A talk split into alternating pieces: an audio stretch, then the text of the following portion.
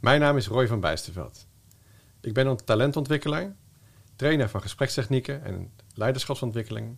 En je luistert naar Masters in Management. Dit is Masters in Management, de podcast voor leiders en managers die organisaties verder willen helpen met een innovatieve kijk op zaken en een verrassende aanpak. Deze podcast wordt je aangeboden door Skillstown, de online opleider voor professionals. Ja, welkom bij deze aflevering van Masters in Management. Ik ben Peter van der Hout, programmamanager content bij Skillstown. En bij mij voor de podcastmicrofoon zit Roy van Bijsterveld. Welkom Roy. Dankjewel. Ja, Roy, we gaan het in deze podcast hebben over prestatiemanagement, of, of in het Engels performance management. En dan met name hoe je talenten van medewerkers beter kunt benutten als leidinggevende.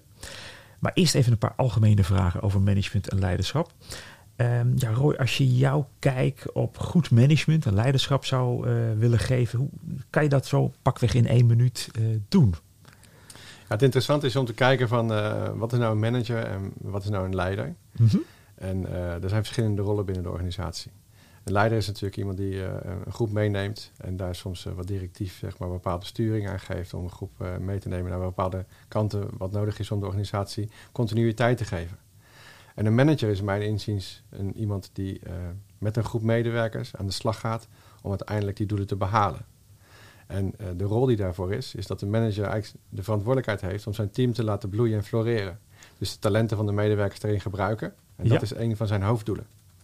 En, en als je nu kijkt naar de organisatie waar jij komt, jij komt in veel organisaties en, en helpt mensen op dat gebied, management ja. en leiderschapsontwikkeling. Uh, wat, wat kom je gemiddeld zo al tegen? Hoe, hoe, staan we ervoor in Nederland op dit moment? Nou, ik kan in ieder geval positief beginnen dat we een stuk beter voorstaan van vroeger. Uh, vroeger was het zo dat je natuurlijk, als je de beste was binnen een team, dan werd je automatisch de leider. Ja. Maar dat, een leiderschap is natuurlijk hele andere skills die we moeten inzetten. En sommigen hadden die mensen die skills wel, of die talenten. En tegenwoordig uh, kijken we veel meer naar leiderschap. Wat is er voor een leider nodig? Dus ik denk dat het wel, wel goed gaat. Uh, natuurlijk zijn er wel uitdagingen, omdat we de laatste tijd ook wel een, een kentering zien in prestatiemanagement, performance management. Hoe kunnen we het beste uit onze medewerkers halen? Ja. En dat vraagt natuurlijk wel ook weer nieuwe, nieuwe uh, inzichten voor leiders, om ook naar hun eigen leiderschap te kijken. Past dat bij de huidige tijd? Omdat ook uh, ja, de nieuwe jonge talenten, die zijn ook gewend om anders te fungeren of in de wedstrijd te zitten. Dus je moet aansluiting vinden bij de medewerkers. Dus dat is een, wel een uitdaging. Ja, dus dat is wat aan het veranderen. Dat is wel interessant wat je net aangeeft. Um, welke verandering zie je dan precies? Wat voor soort kenmerken van leiders worden nu belangrijker, denk je? Um, ik geloof zelf uh, dat uh, aansluiting vinden bij de ander dat het belangrijk is. Dus dat de, je bent er ter ondersteuning van de medewerker om uiteindelijk uh, doelen te behalen en talenten te gebruiken van medewerkers. Ja. En, en daar zien we verschillende vormen in. Maar coachend leiderschap is wel een van de vormen waar ik, ja, waar ik voorstander van ben. Uh, om te zien hoe je de ondersteuner kan zijn en niet uh, de helper. En dan situationeel kijkt welke ondersteuning of welke vorm van uh, aanmoediging iemand nodig heeft. Om uiteindelijk tot het volgende stapje te komen. Oké, okay, coachend leiderschap zeg je, dat is wel key nu aan het worden. Um, ja, dat is wel een van de dingen waar, waar veel focus op ligt. Ja. Ja. Oké, nou, uh, nu even een korte infomercial. Daarna praat ik verder met jou, Roy, over prestatiemanagement. Dus uh, blijf vooral luisteren. Bij Skillstown geloven we dat professionele ontwikkeling voor iedereen betaalbaar en beschikbaar moet zijn. Daarom hebben we een compleet corporate MBA-programma ontwikkeld dat iedere professional online kan volgen. Kijk voor meer informatie op www.skillstown.com/cmba. Ja, Roy, om te beginnen, uh, tussen leidinggevende en medewerkers vinden traditioneel uh, veel gesprekken plaats. Officiële gesprekken, zullen we het maar even noemen. Um, als we even teruggaan naar hoe dat traditioneel gaat of ging. Uh, wat voor gesprekken waren dat en wat was het doel van die gesprekken? Nou, meestal aan het begin van het jaar hadden we een, een doelengesprek. Uh, dus we spraken met elkaar af wat zijn de verwachtingen die we van elkaar hebben. Mm -hmm. En waar verwachten we dat de medewerker naartoe gaat? Welke doelen moeten er behaald worden? Uh, dan ongeveer uh, rond de zomerperiode. dan gingen we met elkaar eens kijken over ons functioneren en evalueren over hoe het nu op dit moment gaat. daarmee hadden we eigenlijk nog een soort van tussenmoment waar we bijsturing konden geven. Een momentopname ja. van hoe het nu ging. En richting het eindejaarsgesprek, waar dan de beoordeling plaatsvindt. Dat zijn de drie momenten zoals we in de basis uh, vaak in veel organisaties uh, dat nog kennen. Ja, en, en nu hebben veel medewerkers, maar ook managers hebben, hebben steeds meer moeite met deze insteek en, en deze aanpak, zeg maar. Ehm, waar liggen precies de knelpunten? Nou, als je gaat kijken van waarom, waarom voeren we deze gesprekken eigenlijk, mhm. dan uh, is het natuurlijk in de basis dat we eigenlijk als organisatie dachten van ja, uh, we hebben organisatiedoelen, want daar hebben we met elkaar over nagedacht, dat is belangrijk. Ja. En dan gaan we onze medewerkers daar uh, op inzetten en sturing aan geven dat ze dat gaan behalen, want dan gaat het goed met de organisatie. Ja. En dat was de focus van het gesprek vaak, hè? dus het behalen van die organisatiedoelen. En uh, om medewerkers daarin te motiveren, want ze werden daarvoor aangenomen, is enerzijds, we betalen ze maandelijks natuurlijk een salaris. Ja. Maar anderzijds om ze een stapje harder te laten zetten, dat ze uiteindelijk ook doen waarvoor ze aangenomen worden, dachten we van dan gaan we aan het einde van het jaar gaan we daar nog een beloning aan koppelen. Dus als iemand iets gehaald heeft, dan krijgen ze nog of een stukje opslag of misschien een, een periodieke beloning. En ja. daarmee dachten van nou, daar, daarmee zien we dat eigenlijk medewerkers nog harder gaan werken en kunnen we misschien nog meer bereiken met elkaar. Oké, en, en, nou ja, dat was het oorspronkelijke doel. Um, is daar, waar, waar, ligt dan eigenlijk het probleem? Waarom hebben toch veel uh, mensen er nu moeite mee om dit op deze manier te blijven doen? Ja, het lastige is dat we eigenlijk uh, de momentopnames, zeg maar zo drie keer in het jaar, dat het echt een moment is van waar we met elkaar spreken over het functioneren. Terwijl eigenlijk functioneren doen we elke dag. Hè? Dus uh, we, we, werken elke dag, we spreken met elkaar elke dag over, over bepaalde zaken. En die momenten werden best zware momenten. En ze zagen ook dat vaak door grote lange formulieren die ingevuld moesten ja. worden, uh, soms door HR ontworpen, die eigenlijk mm -hmm. niet altijd helemaal aansloten bij de, bij, bij de organisatie of de, de afdeling. Uh, was veel administratie. Ja. Terwijl we eigenlijk willen kijken van... Hey, hoe kan ik jou nou helpen om die doelen te behalen? Want dat is ons doel. Uh, dus het werd een soort van administratief moedje. Ja. En uh, het was ook vaak het gesprek wat moest van de HR. Dus daarom was het ook in de basis heet ook de HR-cyclus. Ja. dus het is van HR en dat moeten wij nu hier, helemaal hier doen. Maar um, dus dat, dat, dat, dat is eigenlijk een, een verkeerd beeld wat we hadden. daarnaast is het ook zo dat we... Um, een leidinggevende, die heeft natuurlijk eigen taken. En een van die taken, en dat is wat mij betreft een hele grote taak, maar dat is natuurlijk ook over na te denken van hoeveel tijd besteedt een leidinggevende eraan. Maar dat is om zijn team te begeleiden in die ontwikkeling en het behalen van die doelen. Ja.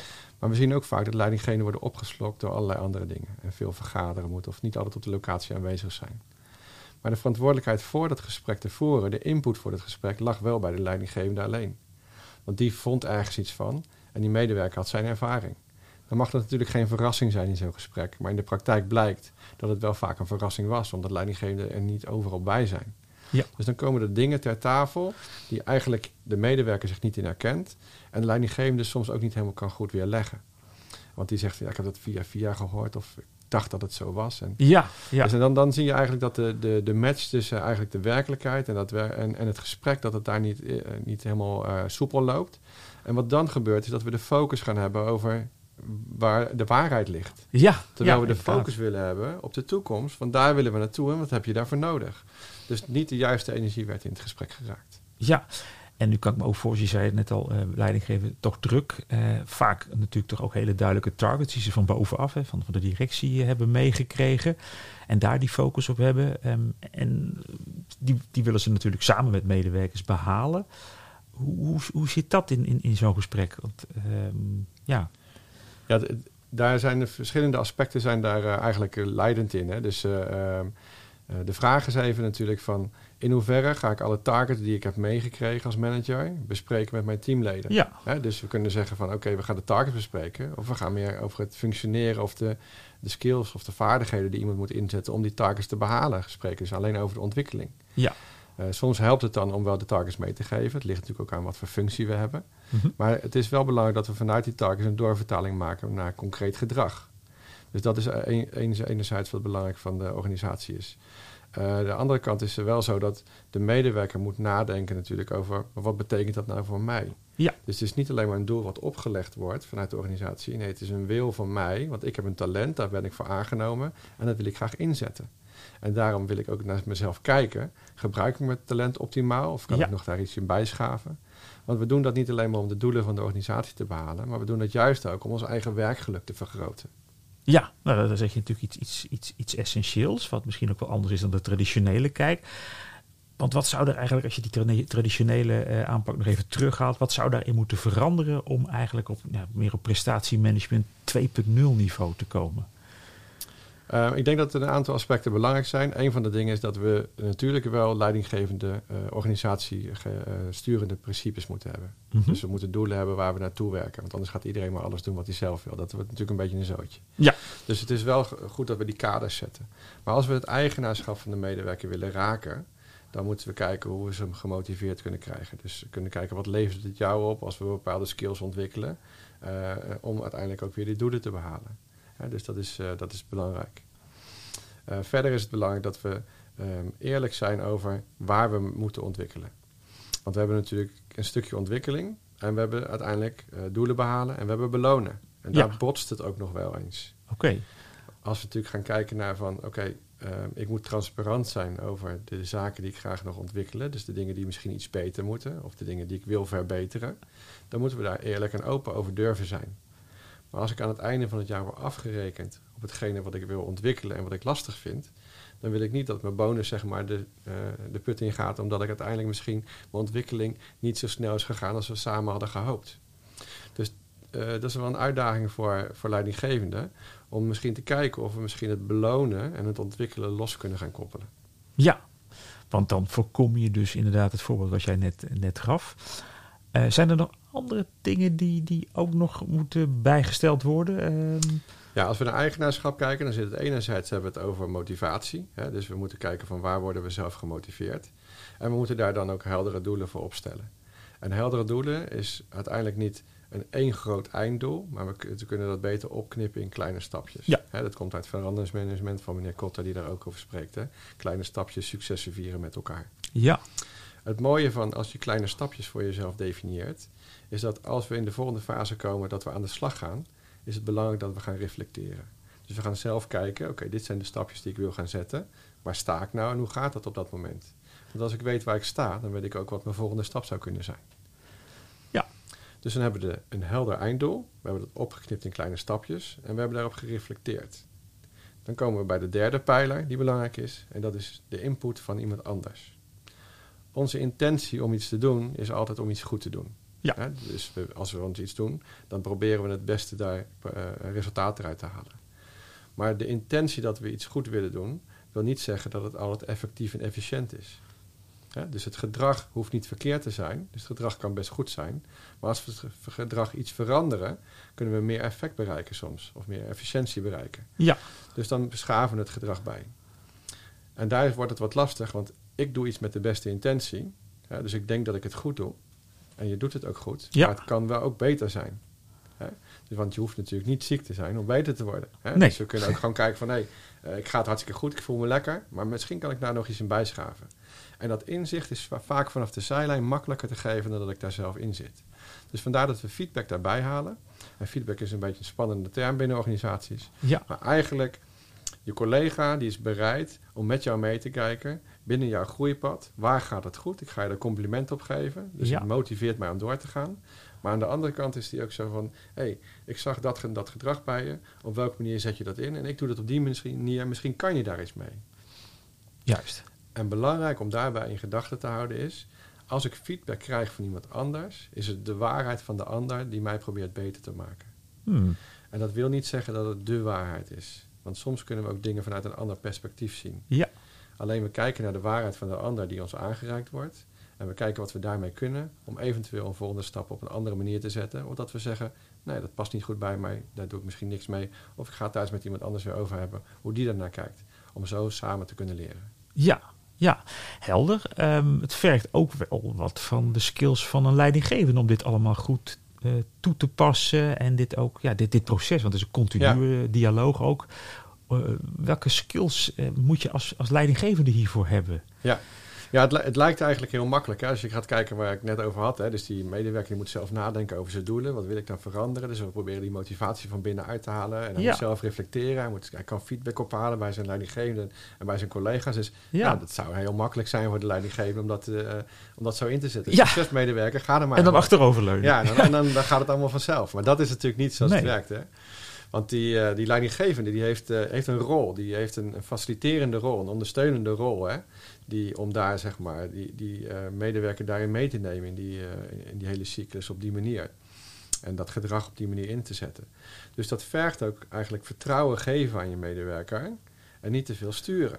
Ja. Dus eigenlijk de kunst van het vragen stellen, het Socratische mhm. gesprek, zoals ze dat ook wel eens noemen. Hè? Dus nieuwsgierig zijn naar wat zit er bij die ander, om uiteindelijk met een vragende techniek aansluiting te vinden bij hoe iemand anders ergens over nadenkt. En ze op die manier mee te nemen naar een volgende stap. En het mooiste is natuurlijk als dat van binnenuit komt bij die medewerker. Hè? Dus de goede vragen stellen. En soms stellen we dus open vragen, en soms stellen we wat suggestieve vragen of sturende vragen, of keuzevragen. Of uh, we gaan verdiepende vragen stellen. Er zijn natuurlijk heel veel soorten vragen. En dat vraagt eigenlijk wel van die leidinggevende om op die manier zeg maar, uh, het gesprek in te gaan. Dat is één uh, kwaliteit die de medewerker over na moet denken. Bezit ik die of welke stappen moet ik daar zelf nog in zetten? Ja, hele belangrijke. Ja. Een ander punt daarvan wat belangrijk is, is om aansluiting te vinden bij de ander. Want de ander die uh, is wel bereid om zeg maar te verbeteren. Alleen die weet soms zelf ook niet precies waar die staat. Dus dat hebben we ook hmm. situationeel leiderschap is ook belangrijk. Nieuwe medewerkers hebben vaak veel meer instructie nodig. Terwijl als je ervaring medewerkers hebt, die hebben complimenten nodig. En die hebben ook misschien wel wat uitdagende vragen nodig. Hè, om zo aan het denken te zetten. Om toch misschien het oude patroon een keer los te laten. Dus je, het is altijd belangrijk om uh, uh, nieuwsgierig te zijn. Wat, wat zit er bij een ander? Om vervolgens die ander mee te kunnen nemen naar een beeld wat jij denkt dat misschien goed is. Of waar, waar ze zelf denken waar ze naartoe willen. Maar wat ze soms nog niet weten. Uh, want het is vaak zo dat als je medewerkers vraagt van hoe gaat het? Ja, het gaat goed. Ja. Oké, ja. Dus uh, heb je coaching nodig? Nee, heb ik niet nodig. Bij mij loopt het eigenlijk lekker. Uh, maar als ze uh, coaching hebben gegeven of ze hebben een, een, een training gehad over bepaalde onderwerpen, dan zeiden ze van, ja, ik wist het eigenlijk wel wat daar kwam, maar het is wel fijn om het nog een keer gezien te hebben, om nog een keer geoefend te hebben. Ja. Dus ik kan daar wel mee aan de slag. Maar de basis was niet zo dat van, ik heb dat nodig. Dus daar, zijn, daar is natuurlijk de leidinggevende ook om ze erin uit te dagen en in de vrijheid zeg maar ook te, te, te prikkelen om de motivatie te vinden. En we noemen dat er vaak op zoek gaan naar de pain or the pleasure. Hè? Dus het, wat levert het mij op? Waar word ik blij van? Of waar heb ik last van waar ik misschien vanaf wil? Uh, als je daar op een juiste manier en op een relaxte manier bij komt, dan zie je dat medewerkers vaak zo bereid zijn van, ah, dat vind ik wel interessant om daar eens naar te kijken. Krijg je ook meer gedaan als, als leidinggever en uiteindelijk met als doel om dat de medewerker zichzelf verbetert. ja. Ja, het is, ik, ik zeg het ook wel eens voor leidinggevende. Het is eigenlijk een, eh, tenminste wat, dat had ik zelf toen zelfmanager mocht zijn. Uh, uh, mijn doel was om overbodig te worden. dus ja. uiteindelijk om die interactie van die medewerker zelf uh, daarvoor te kijken dat hij zelf alles kon gaan doen.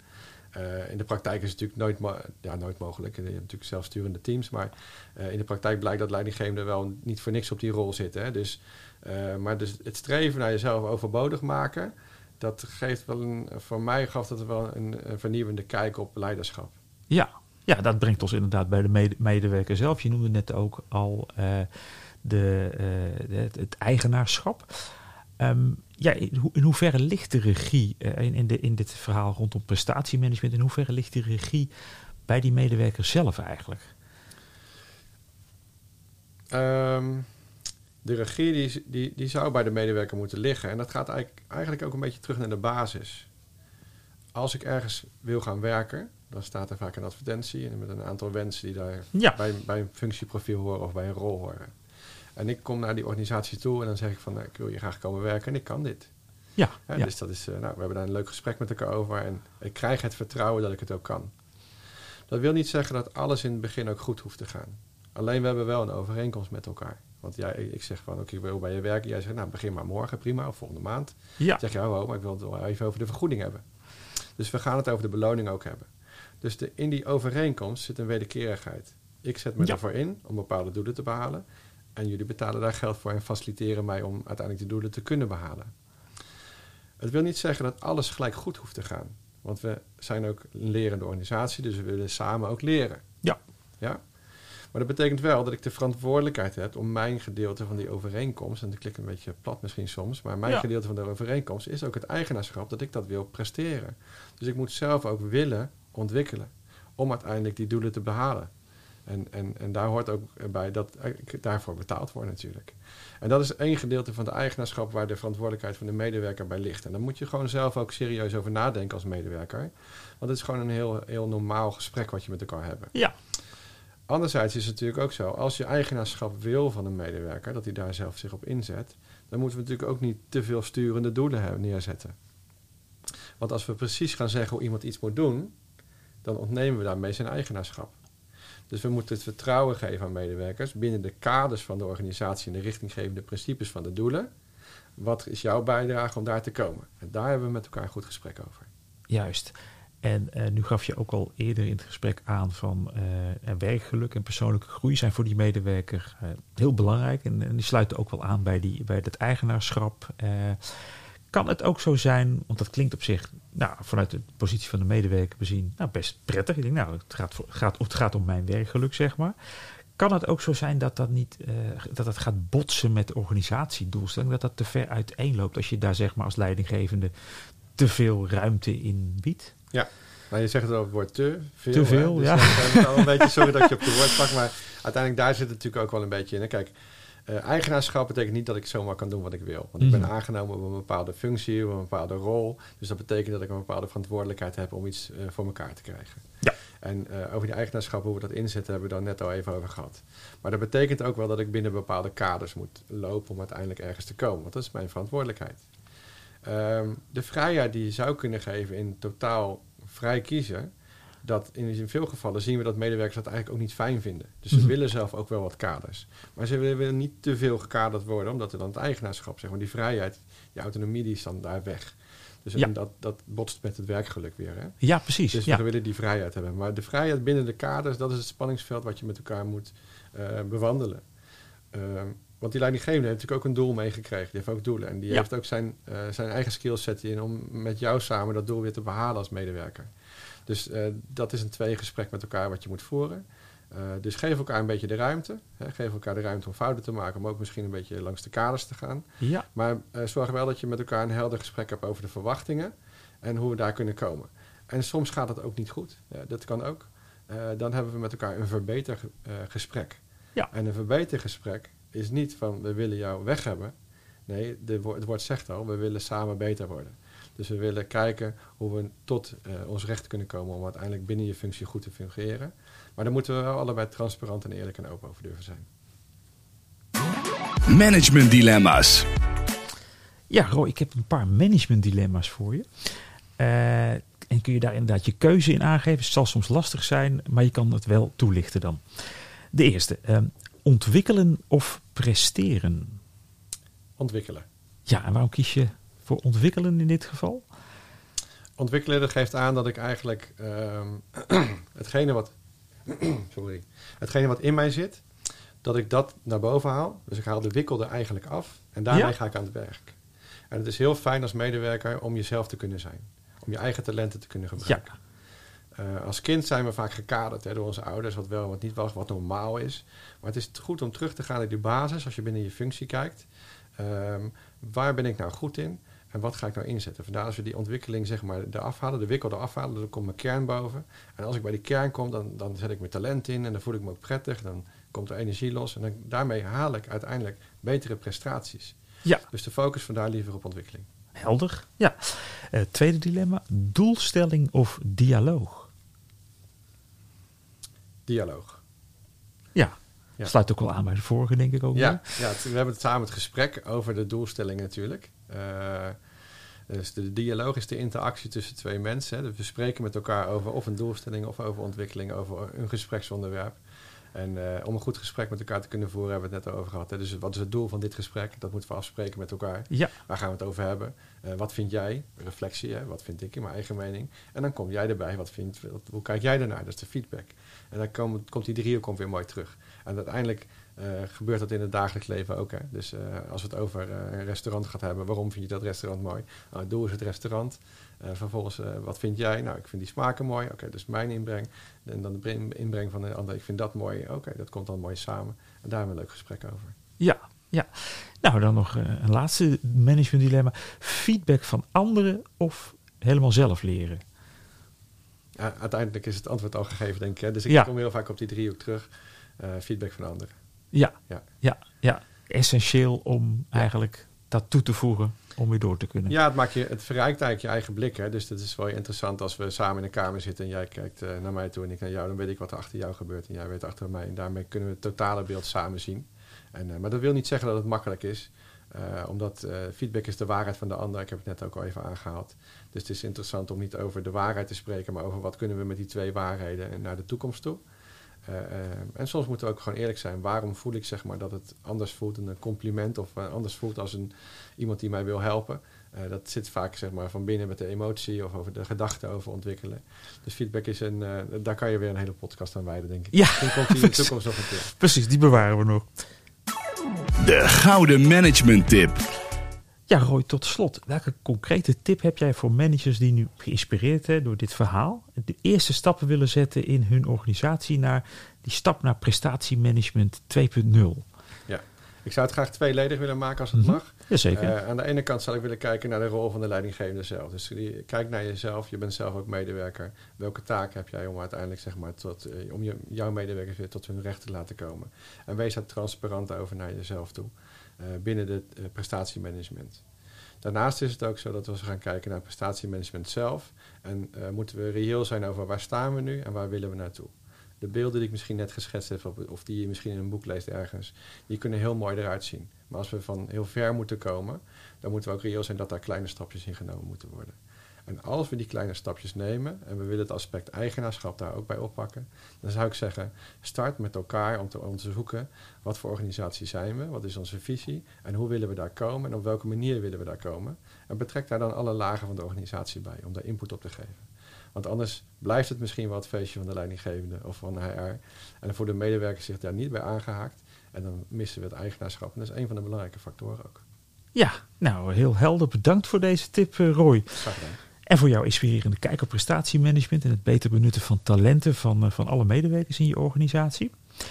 En ben jij nou op zoek naar nog veel meer kennis en inspiratie voor managers? Dan kun je terecht op het online kennisplatform van Skillstown. Kijk daarvoor op skillstown.com/cmba. En hiermee zijn we bijna aan het einde van deze podcast. Wil je reageren op deze aflevering of heb je suggesties voor gasten? Laat dan je review achter op je favoriete podcast-app of stuur een mail naar podcast.skillstown.com. Bedankt voor het luisteren en tot de volgende aflevering van Masters in Management.